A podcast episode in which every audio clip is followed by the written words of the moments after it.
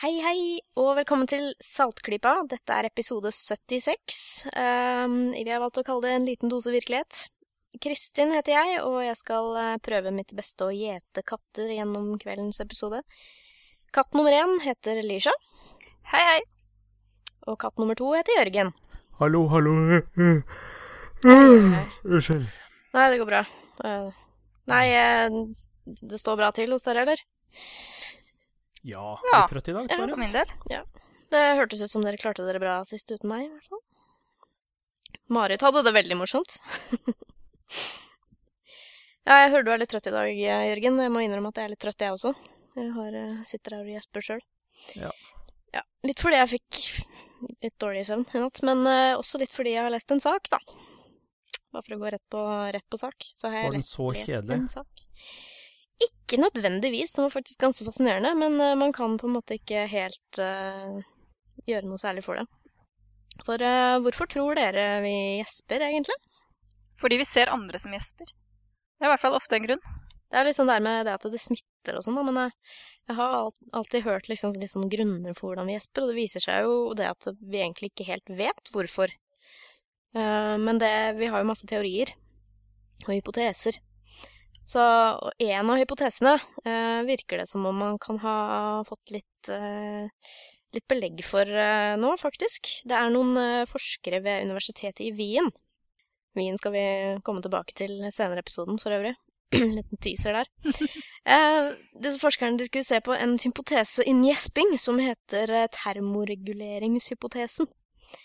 Og termoreguleringshypotesen eh, ligger litt i navnet. Den sier at eh, hensikten med å gjespe er å kjøle ned hjernen. Så når du da trekker pusten ekstra dypt, som du jo gjør når du gjesper, eh, så foregår det en slags varmeutveksling da, mellom ditt eget blod og eh, den lufta du har i lungene dine. Og dermed så blir da det blodet eh, kjølt ned, og hjernen får en svalere blodtilførsel, står det på eh, NRK sine nettsider. Fant jeg denne her, faktisk. Den skal vi linke til. Det de har funnet ut, da, er at når gjespet da var unnagjort, så sank temperaturen, faktisk. Eh, i, i, hjernen, da, rett og slett. Og hvis denne hypotesen stemmer, så vil det jo si eh, at faktisk man bare gjesper dersom temperaturen i lufta rundt egner seg for, for sånn, den varmeutvekslingen som skjer. da. Ja, så det må være litt eh, Du må på en måte først bli varm, da. Fordi hjernen er litt for varm, og da blir du trøtt. Eh, og så må du kunne få slippe ut litt varme, på en måte. eh, få inn litt nedkjøling ved å gjespe. Det som eh, overrasket meg litt over den saken, er at det, det sa, de sa ikke så veldig mye om, om sammenhengen med liksom hjernens temperatur og, og hvor trøtt man var, da, faktisk. Men, men de sier altså det at folk vil gjespe mer når lufttemperaturen stiger, siden det da stimulerer de mekanismene da, som de her har undersøkt. Men uh, det de også sier, er, eh, og det de også har, uh, har funnet ut, er at de også vil gjespe mindre når, når utetemperaturen begynner å nærme seg kroppsvarmen vår. Fordi da, altså, da er det såpass varmt utenfor kroppen at den ikke vil være noe effektiv, da, denne varmereguleringen. Og det den også sier, er at man vil også gjespe mindre eller ikke i det hele tatt når det blir kaldt, ekstra kaldt. Eh, fordi da trenger ikke kroppen så mye varmeutveksling, for da, da går det av seg sjøl, på en måte. Da er hjernen kjølig nok. Ja. De hadde annet testa dette her i Tucson i, i Arizona. eh, På, da, da, da temperaturen var på sitt varmeste. Og da ble jeg litt sånn småredd, for jeg skal snart til Tucson når det er på sitt varmeste. Så jeg ønsker meg lykke til. uh, så da fant jeg liksom at uh, Altså, det var uh, Jeg tror det var Når det var varmt, altså det, i de varmeste månedene, så hadde 41% av deltakerne gjespet. Mot 18% når det var kaldt, altså i, på vintermånedene. Eh, Det, det de også har lyst til å gjøre, er å gjenta forsøket i et sted der det er kaldere klima, da. Derfor endte de i Wien. Ja, da endte da endte de i Wien, ikke sant? Ikke er helt det samme som Tusan når det gjelder temperatur, Nei. nei. Jeg har hørt det. Jeg har En flere problemer med den undersøkelsen her, altså. Fordi, Ja. altså, punkt én, det er én undersøkelse. Nå har ikke jeg lest så nøye at jeg vet hvor mange forsøkspersoner de har brukt og sånn, men de har bekreftet hypotesen sin. Når det er én undersøkelse som har funnet akkurat det de håpet å finne, så tenker jeg at her må noen andre inn og se om dette stemmer. Det er vel For sant. For det er Mhm. litt for lett at man eh, konfirmerer akkurat det man eh, ønsker å finne. Det er litt liten info her sånn. Eh, det eneste jeg leste her som, som kan være med å styrke robustheten litt, da, er at de har kontrollert for en ganske god del parametere. Eh, alder, kjønn, eh, antall timer dagslys man hadde, luftfuktighet og også da kanskje viktigst hvor mye forsøkspersonen hadde sovet. Det ble jo kontrollert for det, tydeligvis, hevdes det da. Det er jo Men, ganske så viktig, vil jeg si. Det, jeg, jeg vil påstå det. Og eh, denne teorien, altså, eller hypotesen, da, eh, den er jo langt ifra den eneste forklaringen. Eh, som jeg nevnte tidligere, så er det veldig mange forskjellige alternativer som har blitt forsket på. Så noen, noen mener at det er liksom et rent sosialt fenomen. Og at man gjør det for å signalisere f.eks. at man kjeder seg, eller sånn. Og andre mener at det har liksom et rent fysiologisk grunnlag, da, sånn som denne her, med at det er en slags temperaturregulering. Uh, noe som er, kanskje er mer nærmere sannheten, er jo selvfølgelig at det er en slags kombinasjon av dette her. At det kanskje det har en sosial effekt, men samtidig at den effekten er for at det skal påvirke eh, de andre i en gruppe, for å, at de også skal få de positive effektene ved å gjespe. da. Som, som ja, eller det kan jo også begynne sånn noe fysiologisk, og over tid, her snakker vi om mange mange, mange titusener av år som vår art har mm. eksistert, så kan det utvikle seg til en sosial ting, fordi man ser at det har heldige effekter. Ikke sant. Det er Men det er noe... flere ting jeg reagerte med. Uh, nå vet jeg ikke om det bare er litt uheldige uttalelser, eller om det er dette forskerne faktisk mente, men en av tingene de hadde som premiss, var det at menneskene i alle kulturer gjesper, og det er en grunn til å undersøke dette her, at det er noe felles. Men minst like viktig er jo at dette er jo ikke unikt for menneskene. Du, man kan jo mm. se f.eks. hunder og katter gjespe, og det er, det er ganske vanlig blant dyr. Så det må jo være mye mer grunnleggende i, enn i mennesket. Ja, veldig sant. Absolutt. Og så kan det selvfølgelig bli komplekst ved at uh, forskjellige arter har utviklet forskjellige funksjoner i en grunnfunksjon. Sånn at for noen kan det være avkjøling, for andre kan det være rent sosialt osv. Det kan være veldig mye rart som spiller inn på det, men uh, bare det at de sa det så unøyaktig, uh, får varsellampene til å gå hos meg. Er, dette med gjesping har vært undersøkt så mye, så mange har funnet noen sammenhenger med ditt og datt. Uh, at det kommer noen nye nå og har bekreftet en, sin egen hypotese, det regner jeg som uh, ganske usikre resultater, altså. Det er et veldig godt poeng, det der. Uh, det, det, jeg syns var merkelig, sånn, sånn, rent personlig, er at den hypotesen som jeg trodde var den hypotesen som stemte, da. jeg, jeg, har alltid trodd det har noe med CO2 i blodet å gjøre. Eh, men de har gjort forsøk på det, og det viser seg at det faktisk ikke er noen sammenheng med CO2-nivået i blodet og, og gjesping. At det ikke hjelper, på en måte. Så det, det syns jeg var litt sånn snodig. Det er litt sånn avkrefter mine fordommer. Du trodde du visste noe, og så visste du det ikke allikevel? Ja, ikke sant. Det er, eh, det er ikke alltid. Det er eh, like lett å være oss når man prøver å Når man tror man er så smart. Men uh, vi skal uh, som sagt ikke la oss blinde av uh, tilsynelatende sammenhenger. Um, noe jeg har lyst til å illustrere med en liten webside jeg anbefaler lytterne å gå til, faktisk. det passer egentlig under anbefalinger, men nå hadde jeg jo liksom en Segway klar her, føler jeg, så jeg tar den her, jeg. Ja, vi tar den nå. Ja, Det er en webside som heter Spurious Correlations. Og det er en sånn moroside, egentlig. Men som samtidig lærer oss viktige ting innen kritisk tenkning. Og det, den kombinasjonen jeg liker jo veldig godt her på Saltklypa. Uh, kan komme med noen Altså, du, du, får en sånn Du får en sånn litt sånn eksempel på at sammenheng ikke nødvendigvis betyr sammenfall. du får et veldig, veldig godt og humoristisk eksempel på det, litt sånn med jevne mellomrom. Eller omvendt, i forhold til det du sa. Sammenfall betyr ikke nødvendigvis sammenheng. Ja, sam, ja ikke sant. Strengt Mm.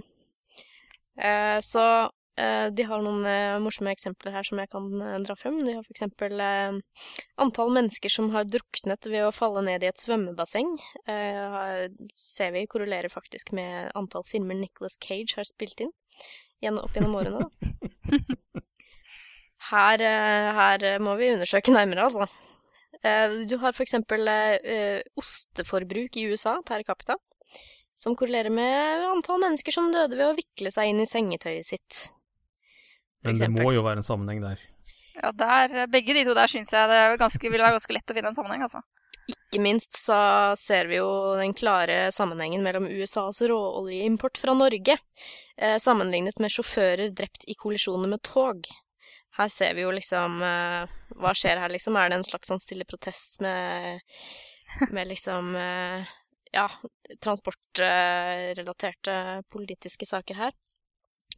Vi kan bare begynne å spekulere. Det er også en, eh, en, eh, en omvendt korrelasjon, eh, som er faktisk veldig bra her. Omvendt korrelasjon betyr at eh, når noe øker, så minker noe annet, ikke sant? I stedet for en sånn sammenfallende øking. Eh, og er, den korrelasjonen er faktisk veldig bra. Den er på nesten minus én, altså en veldig sterk korrelasjon.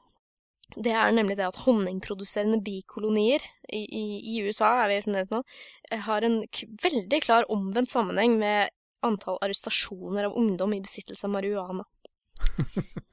Så det Her eh, har vi noe eh, Her har vi noe virkelig konspiratorisk ute og går, altså.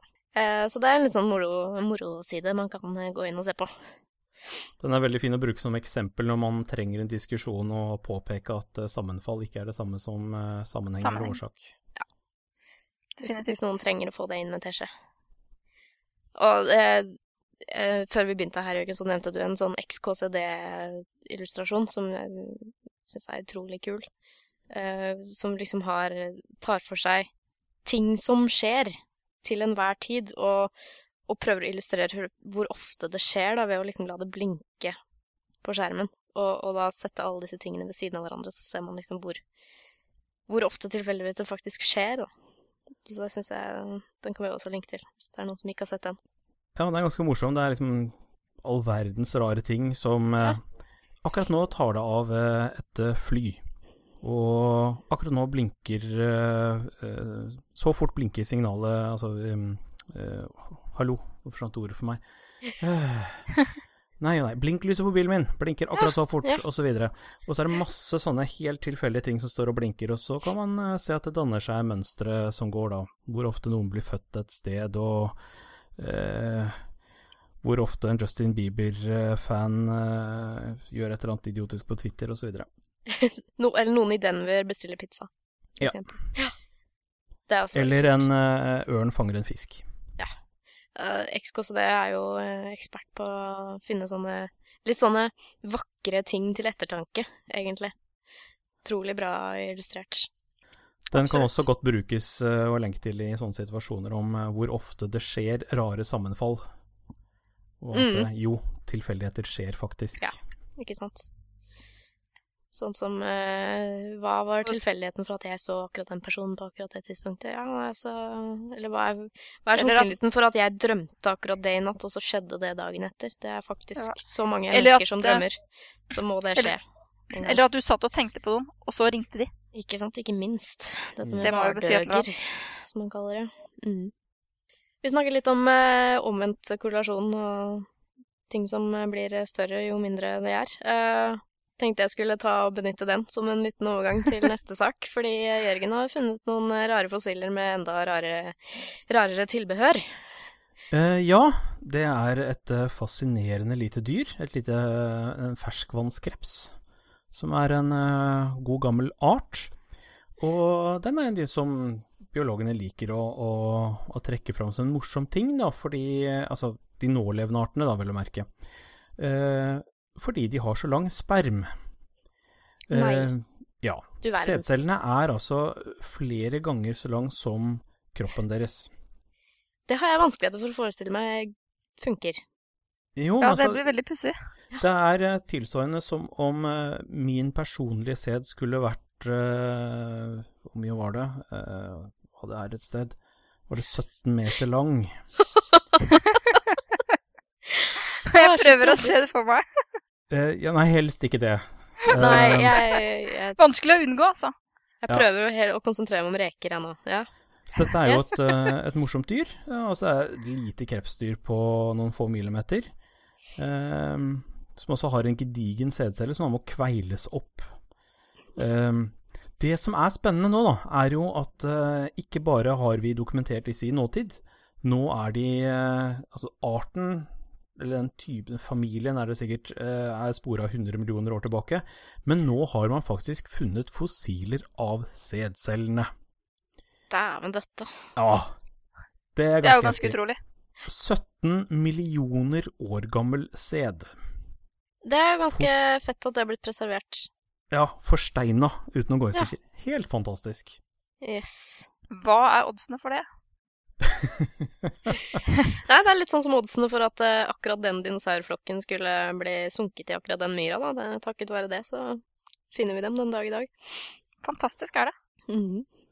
Det er også Ja, litt sånn, jeg må, jeg må bare nevne det som en sånn liten apropos. Altså, det, er ikke, det er ikke alltid man tenker over det, at det, det er egentlig ganske bra tilfeldig at, eh, at dinosaurer har blitt forsteina eh, i enkelte eh, tilfeller, og at vi har klart å finne dem igjen. Fordi det er ikke gitt at eh, så gamle arter eh, overlever for at vi skal se dem den dag i dag. Altså, og, prøv å tenke på at de fossilene vi finner, er som regel dyr som har dødd en ganske brå og unaturlig død. Da. At de har blitt eh, begravd i noe, eller eh, Ja, så Stort liksom sett så må akkurat- de begraves fort av sedimenter for å bli bevart. Ja. Den aller, aller vanligste måten det skjer på. Og for landdyr så skjer det ekstremt sjelden. For disse bitte små krepsdyrene så skjer det litt oftere, for det er jo vanndyr, og de lever i bekker og sånn, og da kan det jo fort komme en vårfordom og, og dekke en hel haug av dem. Så derfor har man vel ganske god peiling på akkurat disse her eh, småkrypene. Og siden man eh, finner en del av dem, og vet hva de er, og vet at den moderne varianten har gedigen sædcelle, så er det kanskje ikke så rart at man har sett etter dem heller, når man har funnet veldig gode eksemplarer som er forsteina. Så så enormt tilfeldig er det faktisk ikke. Nei, Nei det er, eh, det, det er alltid Jeg syns alltid det er gøy med litt sånn snodige dyr i, eh, i verden. Men det er jo kult for den krepsen å kunne skryte av å ha baller av stein, da. Sannsynligvis. Sannsynligvis. Jeg tror den gikk og tenkte på det stadig vekk. Eh, vi skal eh, Vi pleier å ta opp et lite sånt tema hver episode. Jeg tenkte, Mens jeg er i siget med overgangene mine, så tenkte jeg liksom vi skal ta en sånn apropos fargerike nyheter fra dyreriket. Denne gangen eh, da menneskene som, sin tur. Eh, hvert år så, så skjer det jo noe stort. eh, og det skal mye til for at ikke vi nevner det her på Saltklypa. Eh, Mye av grunnen til det er at vi har jo en ekte nerd på området. Eh, Vi snakker selvfølgelig om Eurovision. Det har jo vært minst like spennende som alltid dette året her, har det ikke det, Lisha? Jo, det var eh, superspennende i år. Eh, og jeg må si takk til Danmarks Radio for et eh, fantastisk bra show. De gjorde det on the cheap, men eh, med masse humor og eh, ja, utnytter litt uh, halvfalmede stjerner uh, som Johnny Logan og sånn. Uh, og eh, viste oss at man trenger ikke noen internasjonal romstasjon for å ha det gøy. Man kan bare ha eh, en gammel eh, ja, mekanisk verksted ute på havna og slå seg løs der. Nei, det var jo et ganske kontroversielt eh, show i år, da. Eller eh, hele konkurransen, rett og slett. For dette var jo da de som var mest kontroversielle. Det var Østerrike, og de er jo ikke en av de fire store, så de måtte kvalifisere seg eh, fra semifinalen. Og det gjorde de med glans. Vi fant jo ut etterpå at de vant sin semifinale. Eh, og gikk videre og vant faktisk hele greia. Og det var veldig koselig, for det var første gang de vant på 48 år. Oi. Det er ganske sykt lenge. Ja, det er ganske lenge. Ja. Så de var glad, da, kan jeg si. De var Ja. glad. Uh, det uh, Jeg var faktisk ikke overbevist om at eh, de kom til å klare det. Det var yndlingslåta mi, og helt klart det beste bidraget. Ikke den beste sangen, uh, det var nok Nederland, men det beste bidraget.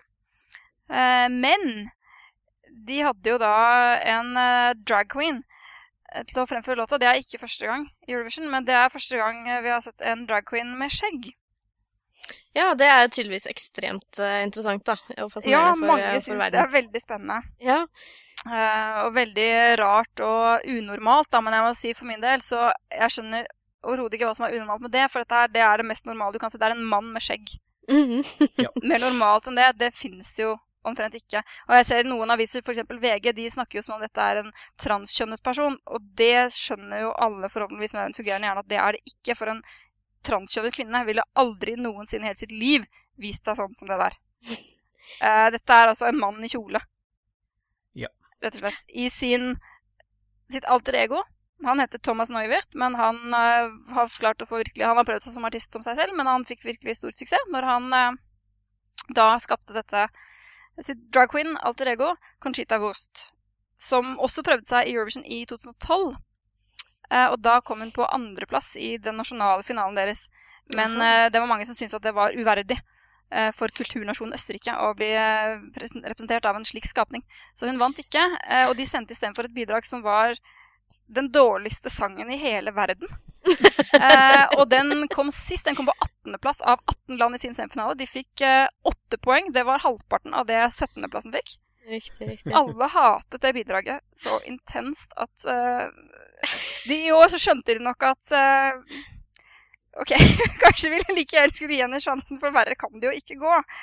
Uh, og det gikk jo da så bra som det kunne. Men uh, mange var jo ganske uenige i dette her. Russland og Ukraina og Hviterussland de satte i gang noen slags petisjoner til EBU, altså Den europeiske kringkastingsunionen, for å få østerrikerne disket. Hvorfor i all verden ville de det, da? Det lurer jeg Eh, nei, si det. Det er mystisk.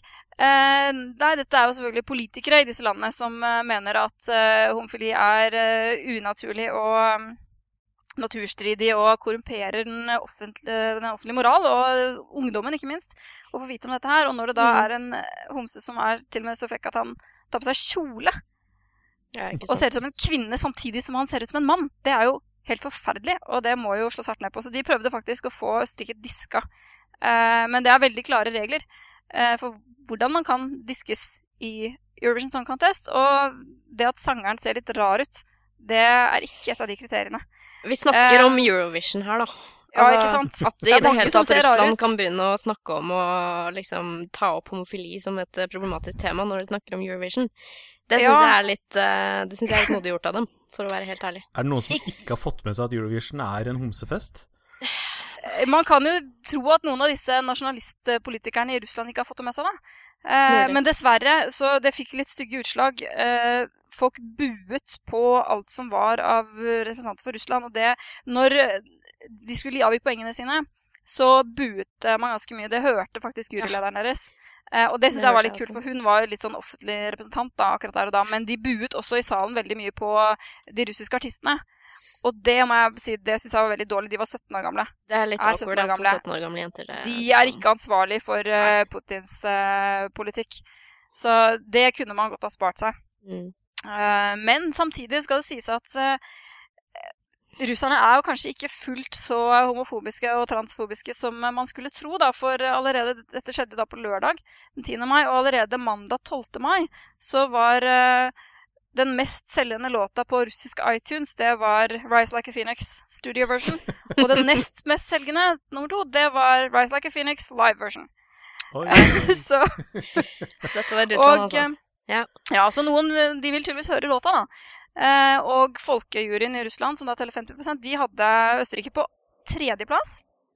Og de åtte poengene som sikret Østerrike seieren Da det var tre land igjen å stemme, så ble det avgjort at eh, Østerrike var uslåelige. Og de, den åttepoengeren den kom fra Ukraina. Den kom fra Ukraina. Så Yeah. det er Det var veldig politisk.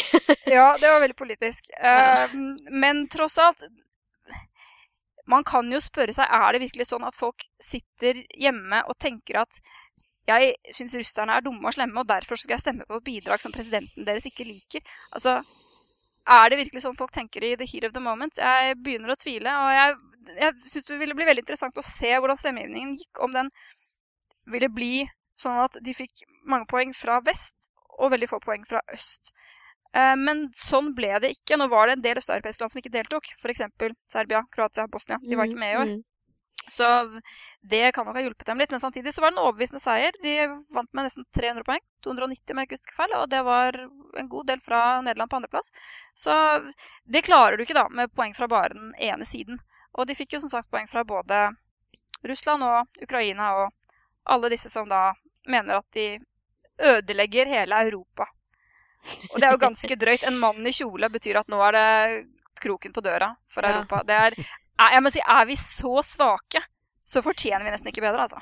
Jeg, jeg, jeg nevnte jo litt om dette med poenggivning fra øst og vest og sånn, og det, det har vi jo eh, faktisk snakket om før. Eh, I eh, Å, herregud, jeg tror, det, jeg tror jeg har funnet frem til at det var i episode 14, så det er en god stund siden.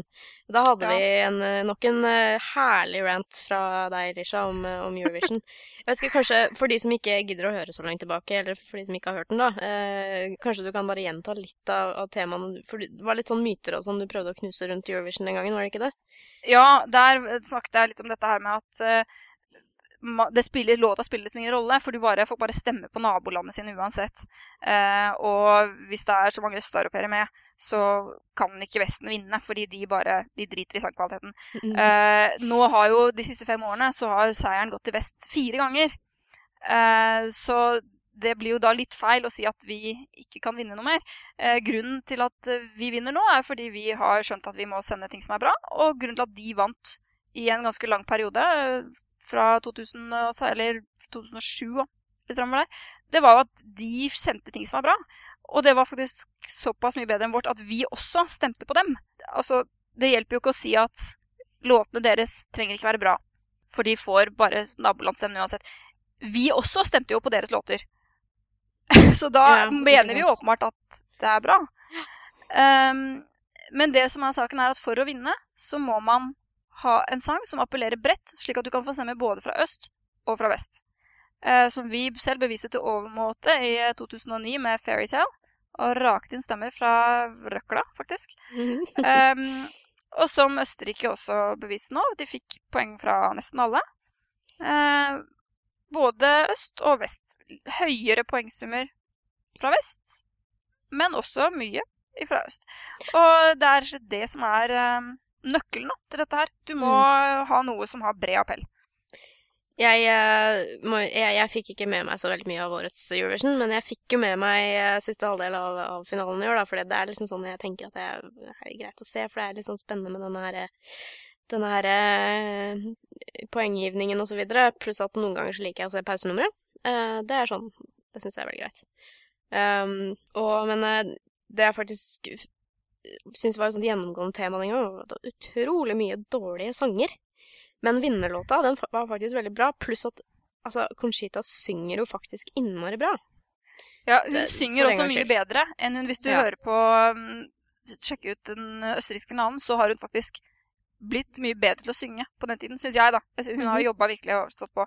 Og så er det flere elementer ved det bidraget som folk liker. Og folk bare sier 'Å, det var en sånn gimmick, de hadde en mann i kjole som alle kjente igjen', og derfor så fikk de stemmer. Ja, ikke sant? Hun hadde ikke Eh, vunnet ellers, liksom. Nei, hadde bare vært Men det kan for så vidt være sant i den grad at hele bidraget må overbevise. Så du kan si Nederland hadde den beste sangen, men det er bidraget som helhet. Både sangen og artisten og presentasjonen, antrekket, alt må klaffe. Og en ting som de gjorde veldig riktig, var det at hun sto rett og slett for det var mye kanskje det du reagerte på, at hun så mange dårlige låter. Det det var, det var veldig mange sånne gimmick-låter hvor de hadde hamsterhjul og rundt piano og trampoline. Ikke sant? Og dumphuske. Altså mange sånne ting. Og er det en god låt, så trenger den ikke det. Og Østerrike hadde en god låt, og hun sto rett og slett bare opp og ned, rett opp og ned og bare sang. Ja, i sånn derre ek ekstravagant ballade. Sånn Ja, egentlig veldig typisk Grand Prix-ballade, holdt jeg på å si, men, eh, men, men bra Altså, det er bra stemme, da. Det var ikke falskt. Nei. Og det, er si det kan jo fort være en, eh, et irritasjonsmoment. Altså som Mange- det norske bidraget, eksempel, syns jeg var litt sånn irriterende. ofte så er jo det noe som folk uh, irriterer seg litt over. Og og jeg må si, for min del, som er veldig glad i filmmusikk uh, fra James Bond-filmer Så Ja, dette, ja. dette her er jo titteltrakket til en utrolig suspekt James Bond-film som aldri har blitt laget. Eh, men sånn sett så appellerte den veldig til meg. Men det som de gjorde, da, som jeg tror kan ha truffet mange, eh, er at de hadde For sangen handler jo om å oppleve kjipe ting. Og bli eh, knust ned i møkka og bare bli behandla som dritt. Men å heve seg over det og skape noe positivt ut av det. Og det er akkurat det Neuwirth har gjort med denne Conchita Wurst-skikkelsen. For han har ikke hatt så lett. Han er jo en åpenbart byens lille homsegutt. Han vokste opp i en liten by på landet og ble mobba voldsomt. Hadde ingen venner. Passet aldri inn med noen. Ingen ville ha noe med han å gjøre, rett og slett. Uh, så han har jo opplevd dette her selv. Og da har de jo gjort et sjakktrekk ved å velge en sanger så man skjønner at dette her er ikke en person som har seilt gjennom livet. Mm.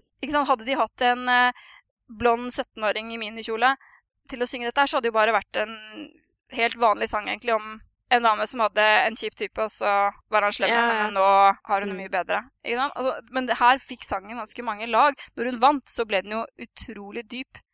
Uh, men uten det så syns jeg at de hadde faktisk valgt riktige sanger, fordi den låta trengte at du ser at dette er en person som ikke kan ha hatt noe enkelt liv. Ja, nettopp. altså Jeg syns ikke det er noe argument å si at uh, den sangen her hadde i hvert fall ikke kommet noen vei hvis ikke det liksom hadde vært en dame med skjegg.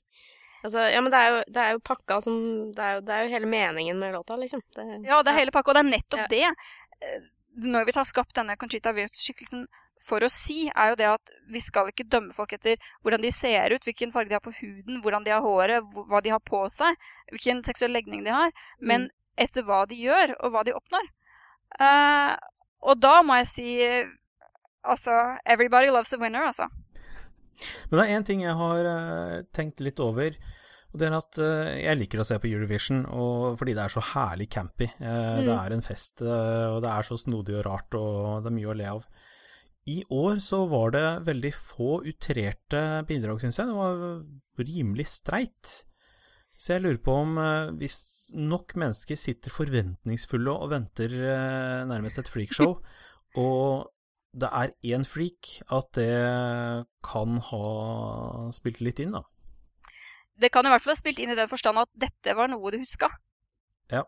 Mm. Og det er veldig mange. Altså for min del, jeg ser jo på dette her med en gang låtene blir valgt, så sitter jeg og ser på det og analyserer det, og jeg kjøper CD-en og går ut og hører på det døgnet rundt. Liksom. Jeg, men jeg innser at jeg er ikke normal, da. Nei, det er du ikke. Eh, på den måten. Så for veldig mange av de som ser på, det er jo over 100 millioner mennesker som ser på, mange av de, de har jo ikke hørt noe av dette her før. De har gjerne hørt sin egen låt da, hvis de er fra et land som deltar, men ikke noe særlig utover det. Og da er det 26 låter som kommer chop, chop, chop, ikke sant? Eh, I løpet av to timer skal du høre 26 låter. Da må det være et eller annet som gjør at du husker det. Mm. Ja. Og i år så var det ganske mange sånne låter som var veldig fine mens du hørte på dem. Men 20 sekunder etter det var over, så kunne du ikke nynna det for å redde livet på deg. Nei, ikke sant. Nemlig. Og det er en stor svakhet. ikke sant? Det er f.eks. en av styrkene til Fairytale. At når du hadde hørt den, ti sekunder av den, så kan du sangen utenat. ikke sant? For den sitter ja. med en gang. Ja, Og du blir aldri noensinne kvitt den. Uh, men, men en ting til jeg lurte på, Lisha. Uh, du snakket om dette her med stemmegivningen, og at uh, også de landene som har fordømt resultatet, så uh, likevel så har de stemt på bidraget, og de har kjøpt musikken og alt dette her. er det sånn overalt at det både er folkestemmer og en fagjury, eller er det bare noen land som har det på den måten? det er sånn i alle land alle land må stemme på man, man, kan velge sangen sin på forskjellige måter, men man må stemme på samme måte. Og det er sånn at Folkejuryen altså stemmer på SMS eller telefon, den teller 50 eh, Og så er det en fagjury som består av åtte personer som er fra eh, type underholdningsbransjen, musikkbransjen da, i det landet, eh, som gir sine stemmer, og de teller da også 50 eh, Så i år så var det sånn for alle land, bortsett fra Georgia. Der ble fagjuryen diska. Eh, fordi de, det er sånn åtte personer, og de skal ikke snakke med hverandre om det. Eh, men de leverte åtte identiske lister. Og, de jo, altså, og det, det, går jo ikke. Nei. Det er jo helt umulig. Eh, de, og det var, det var, også litt rart, fordi i semifinalene så stemte de helt riktig. Eller riktig, altså de, de gjorde det riktig, da. De Fagjuryene stemmer var, ble godkjent. Eh, men i finalen så kom det da åtte identiske lister, og da sa EBU at dette her, her har dere her sitter de og sitter på samme festen og prater sammen, og det er ikke lov. Så der, akkurat fra Georgia, så var det bare den folkestemmen, folkejuryen, som ble telt. Men ellers så var det Og det var jo ikke fordi det ikke fantes fagjurystemmer, men ellers fordi de ikke ble godtatt, da. Fordi ja. det var gjort en feil. Nei, Jeg lurer på hvordan dette kan påvirke et resultat, dette her med kombinasjonen av folkestemmer og fagjury. Fordi eh, i Norge f.eks. så hadde jo folket helt klart stemt på Polen som førstevalg, mens uh, hadde langt ned på lista, og totalt så fikk de vel tre poeng fra Norge, tror jeg. Uh, men så hadde bare folket talt, så hadde det altså blitt full pott for uh, Polen. Men da må jeg bare påpeke at uh, det der har blitt fremlagt i nettavisene da, som at uh, det norske folket stemte Polen frem til førsteplass. Men nå er det veldig mange polakker som bor her i Norge. Vi har en stor polsk diaspora. Og polakker de er nasjonalistiske da, på en veldig fin måte. De er ofte veldig positive. Altså Hvis du går f.eks. i Kollen da, og går på hoppkonkurranser der, så velter de over av polakker som er der for å heie på sine. For de er veldig sånn, de heier på sine, og de stiller opp uh, på arrangementer. Og de kjører frem polakker. Liksom. Så jeg vil ikke si at det var det norske folk uh, som stemte Polens bidrag frem. Selv om jeg syns faktisk jeg likte det bidraget. Det er litt sånn guilty pleasure. Uh, jeg syns det var morsomt. Det er jo laget Det var laget ikke til Eurovision, men laget i forkant som en slags satiregreie. Og så ble det valgt ut uh, for å delta. Og man kan jo ikke ta det seriøst, men jeg syns faktisk det var ganske morsomt. Jeg syns det var ille første gang jeg hørte det, men det har, det har vokst. Jeg liker det faktisk ganske godt nå. Men jeg tror ikke det var Hvis du kunne fjerne alle polske diaspora-stemmer, så tror jeg ikke Polen hadde fått tolleren vår på noe som helst slags vis. Ikke at det er noe galt med det, altså. Nei, her, eh, her bare velter det frem kunnskap. Jeg synes det er ordentlig Tror du virkelig at det er så mange polakker som er så stemmevillige at de kan virkelig overkjøre norske folkemeninger i en sånn avstemning? Altså, de fikk jo helt sikkert mange stemmer fra nordmenn også. Eh, og jeg tror at polakker er nok blant de, i hvert fall min erfaring med polakker, så er nok de en av de, folkeslagene som er mest villig til å stille opp og ta en dugnad på sånne ting. Uh, det tror jeg absolutt. Ja, det er mulig. Det eh, eneste polakken jeg kjenner godt, er veldig lite nasjonalistisk på Polens vegne, men uh, ja, han er finnes, sikkert ikke representativ. Nei, det er faktisk mulig at han ikke er det. Altså. Som sagt, ta en tur opp i Kollen når det er hoppkonkurranse. Det har jeg gjort. Jeg har vært i Kollen og møtt polakker. Ja, der ser du. De tyter frem. Nei, jeg, jeg, kan godt tro på det der med, med at polakker er veldig stolte av, av landet sitt og, og identiteten sin. Jeg bodde jo ni uker i Polen i høst, så fått litt sånn nærkontakt. Så det, ja.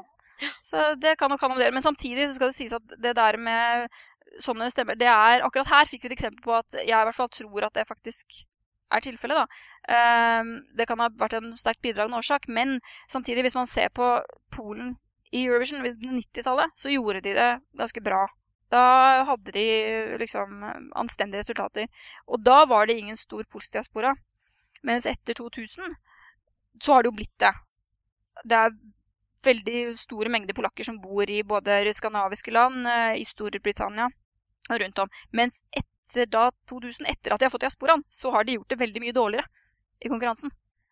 Eh, så mm. jeg tror vel ikke nødvendigvis at eh, det er sånn at polakkene stemmer på det polske bidraget bare fordi det er polsk og vi heier på Polen uansett, men fordi i år så var det faktisk en ordentlig morsom greie, og som polakker sikkert tar mye mer enn folk som ikke er polakker.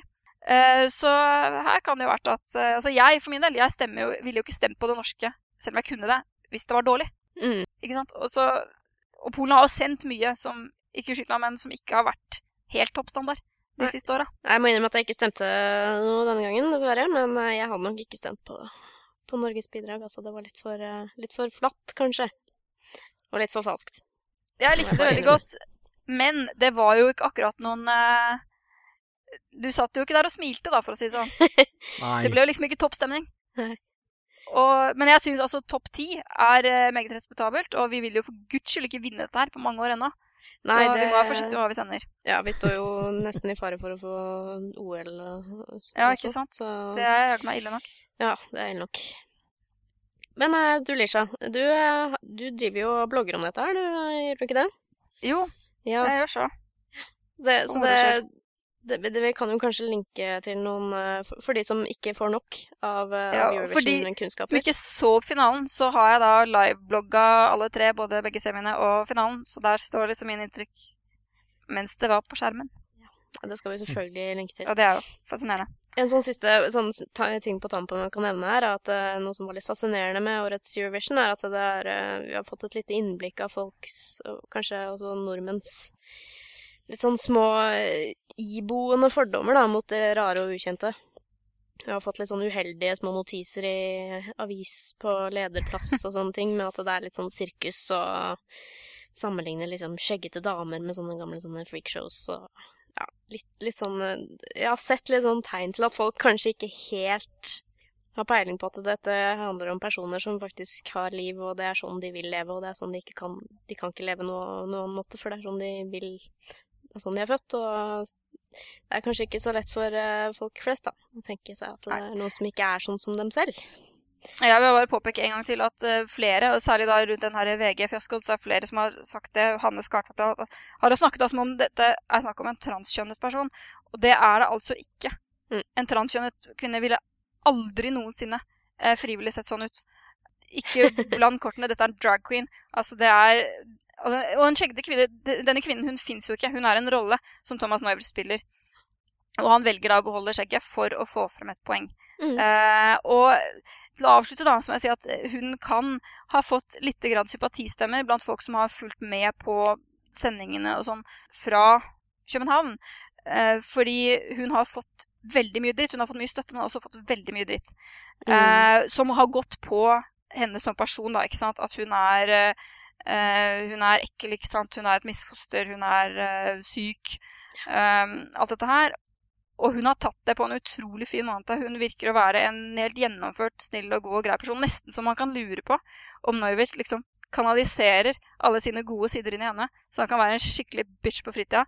Eh, for han må ha noen negative følelser, han også, men de kommer ikke ut i Conchita. Så hun har tatt det på en eh, Hun er veldig høflig, hun er veldig eh, snill og grei og svarer på en rolig måte på alle spørsmål. Så hun, måte, hun, tar det på en, hun får masse dritt, og hun tar det på en sånn måte som gjør at folk virker som slemme mobbere Mm. som oppfører seg sånn. Og det er noe man kanskje bør tenke på. Hvis du er nødt til å ty til drittslenging, så er det det samme som å si at du ikke har noen argumenter.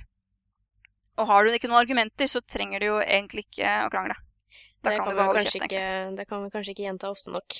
Eh, Tenk, tenk, på, tenk på hva du egentlig spyr ut i diverse kommentarer. Og, og tenk på er det, et, er det egentlig et argument du kommer på nå, eller er det fordi du liksom bare reagerer på en sånn følelse du får som ikke du helt vet hvor kommer fra. Det er, eh, det er mye rart. Det er mye, mye rart som, sånn skummelt som ulmer frem fra, på overflaten. Det er det. Det er litt interessant å få det frem også. Så Det er det. det er, hva som ligger der. for meg er det litt sånn bevisstgjøring på at det kan være hvem som helst. Jeg har, sett, jeg har heldigvis ikke sett de aller styggeste fordommene komme frem på min Facebook-side, men du har jo disse her småkommentarene som, som kanskje vitner om at man ikke tenker helt over det, da. Nei. Eh, Men jeg tror at eh, hun sa på pressekonferansen når hun kom hjem til Wien på søndag, så spurte jo journalistene har du en beskjed til politikerne, f.eks. Putin. Og det hun ville si til, til han og hans meningsfeller, var det at eh, det gode seirer alltid til slutt. Og i den forbindelse kan jeg avslutte med en veldig søt liten historie. Jeg vet ikke om dere har fått med dere denne mm, amerikanske fotballspilleren Michael Sam? Er det han første som har stått fram som homofil? Ja, Ja, det stemmer, det. som Det aktiv. det. Eh, og han eh, ble plukka opp til et eh, si, voksenlag. Han har vel spilt på college-laget sitt hittil, men nå ble han plukka opp til et ordentlig lag. da. Eh, og denne sportskanalen, som jeg aldri husker hva heter, de har jo en greie med at de, eh, de er hjemme hos de som sannsynligvis blir valgt, og så filmer de dem når de får telefonen og reaksjonen. da. Og det viser de jo. Og det gjorde de med han også. Eh, og det, de har jo hatt 1000 heterofile som har gjort dette her, som har kysset damene sine fordi de har vært så glad. Og han Mm. kyssa typen sin, for han ble så glad. Og det viste de på TV, og da fikk de en del pepper for det. Og han som da har ansvaret for den sendingen, han har da en sønn som er seks eller sju der omkring.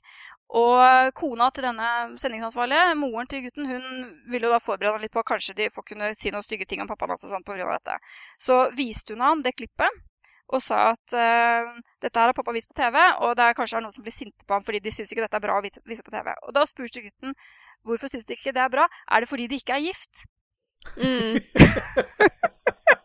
Det er så fint med sånne Så den oppvoksende slekt Ja. kan kanskje bidra til å få slutt på disse tankene om at Ja. slike ting er så rare. Veldig mange fordommer er åpenbart tillært, ikke medfødt. Nei, vi har, så hvis vi i hvert fall kan uh, prøve å eh, senke denne her, trenden med at voksne skal indoktrinere barna til å ha utrolig kjipe meninger om ting, så kanskje det er håp for fremtiden. Ja, jeg tror det. Liten bevisstgjøring der. Eh, som sagt, vi skal, eh, vi dere skal få vite alt dere trenger om, eh, om Eurovision eh, ved å gå inn på Lisha sin blogg. Vi skal linke til den. Så eh, blir det rapport fra Wien neste gang, eller, Lisha? Ja, ja, ja. Jeg gleder meg allerede. Ja. Eh, det, var, det blir wienerschnitzel og sakkertorte, det. Men det, det gleder vi oss fælt til. Vi kommer nok til å, til å ha en liten spesial da også, tenker jeg. Det Vi skal, eh, vi skal begynne å runde av, eh, men vi har eh, som alltid noen anbefalinger. Um, først så har vi faktisk en ny norsk podkast som vi har lyst til å nevne. Uh, MKMDM, hva er det for noe? Du har hørt litt på den, Jørgen, har du ikke det? Uh, jo, det er, bare kommet én episode til nå, så mm. å høre litt er vel korrekt. Den er ganske ny. Den er helt ny. Eh, det er litt sånn eh, en forkortelse som er litt vanskelig å huske, så nå måtte jeg slå opp for å huske hva det står for. Men det står for Magnus, Kjerstin og Martins digresjonsmaraton. ja. Eh, det er ikke en skeptisk podkast. Det får vi presisere. Men det er da en eh, aktiv skeptiker eh, som er med i sendingen. Magnus Bernhardsen, som er leder for Foreningen Skepsis i øyeblikket. Så vi syns det var litt morsomt å kunne nevne den podkasten. Jeg syns i hvert fall det var veldig morsomt å høre på. De har en veldig fin tone, de tre. De sitter og prater om alt mulig rart. Ja. Hvem vil vel ikke det? ta, opp, eh, ta opp seg selv som snakker om alt mulig rart, og så gi det ut i iTunes etterpå. Jeg syns det er en strålende idé, altså. Ja. Ja. Og eh, altså, siden Magnus jo eh, er med, og er litt sånn leder i skepsis og sånn, så vet man jo aldri om de kanskje kommer til å snakke om litt sånn artig skepsis-ting innimellom. Hvem vet? Det kommer nok i hvert fall til å være en og annen rasjonell innskytelse der, selv om det de til nå har snakket om, mest er rare tanker man får i hodet, så, og så begynner å diskutere rare ting rundt det. Eh, men som sagt, veldig underholdende, så jeg anbefaler den. Vi linker til den, selvfølgelig. Eh, kan si det med en gang at det er mkmdm.com. Bokstaver, altså. En annen anbefaling vi har, er at det er skeptikertreff i Oslo igjen. Joho! Så for de som er i nærheten eh, eh, Førstkommende onsdag, når, når denne episoden kommer ut, nemlig 21. mai, så kan du trappe opp på Asylet hvis du vil.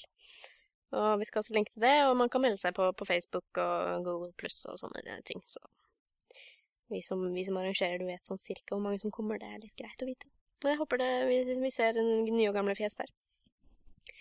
Eh, Så kan vi også nevne at eh, i forrige episode eh, så hintet Jørgen eh, om at noe kom til å skje snart. Men det har da ikke skjedd, tydeligvis. Ennå. Nei, i foreløpig så har vi ikke sett noe til det. Så hvis du venter på at noe stort skal skje, og tror du har gått glipp av det, så kan jeg fortelle at det har ikke skjedd ennå. Så jeg er altså ikke helt innafor. Jeg vet ikke hva, når ting er planlagt å, å komme ut offentlig, men noe er ment å komme ut offentlig. Og det vil bli lagt merke til, regner jeg med. Veldig, veldig spennende. Ja. Ja. Ellers vil jeg minne om, eh, rett før vi avslutter her, at eh, du må selvfølgelig ikke glemme at du kan kontakte oss. Det er en interaktiv podkast her, det er det- som er litt av meningen med dette her. For at du skal hjelpe oss å lage den podkasten akkurat du har lyst til å høre. Send oss en mail på post.saltklypa.no, eller legg igjen en kommentar på Facebook. eh, Eller skriv til oss på Twitter. Det er så mange, det er så mange kilder man kan gå i at det er nesten ikke Det er ikke mulig å, å ikke gjøre det, altså. Så ris og ros og kommentarer og tips, det tar vi veldig gjerne imot. Ja, kan også nevne at vi fortsatt har litt tekniske problemer med hjemmesida, men vi regner med at det skal ordne seg i rimelig nær framtid. Ja, det jobbes med det. Ja. Ja. Sånn er det når man, når man ikke jobber heltid, eh, ni til fem hver dag med podkast. Man må ta det litt innimellom, og ta det litt med sin egen, eh, sine egne tidsmessige ressurser. Så men det vi, vi følger spent med. Så Ja. neste gang så er det helt sikkert meget bedre. Jeg kan også nevne at hvis du, hvis du har problemer med å få tak i gamle episoder av Saltklypa, eh, så er det eh, et sted man kan gå som heter allyourpods.no. Hvor, eh, hvor man faktisk kan, kan i hvert fall finne gamle episoder, da. Enn så lenge. Men de gamle episodene skal komme opp igjen, altså. Det, Ja, ja, ja. Nei, det, det må vi sørge for.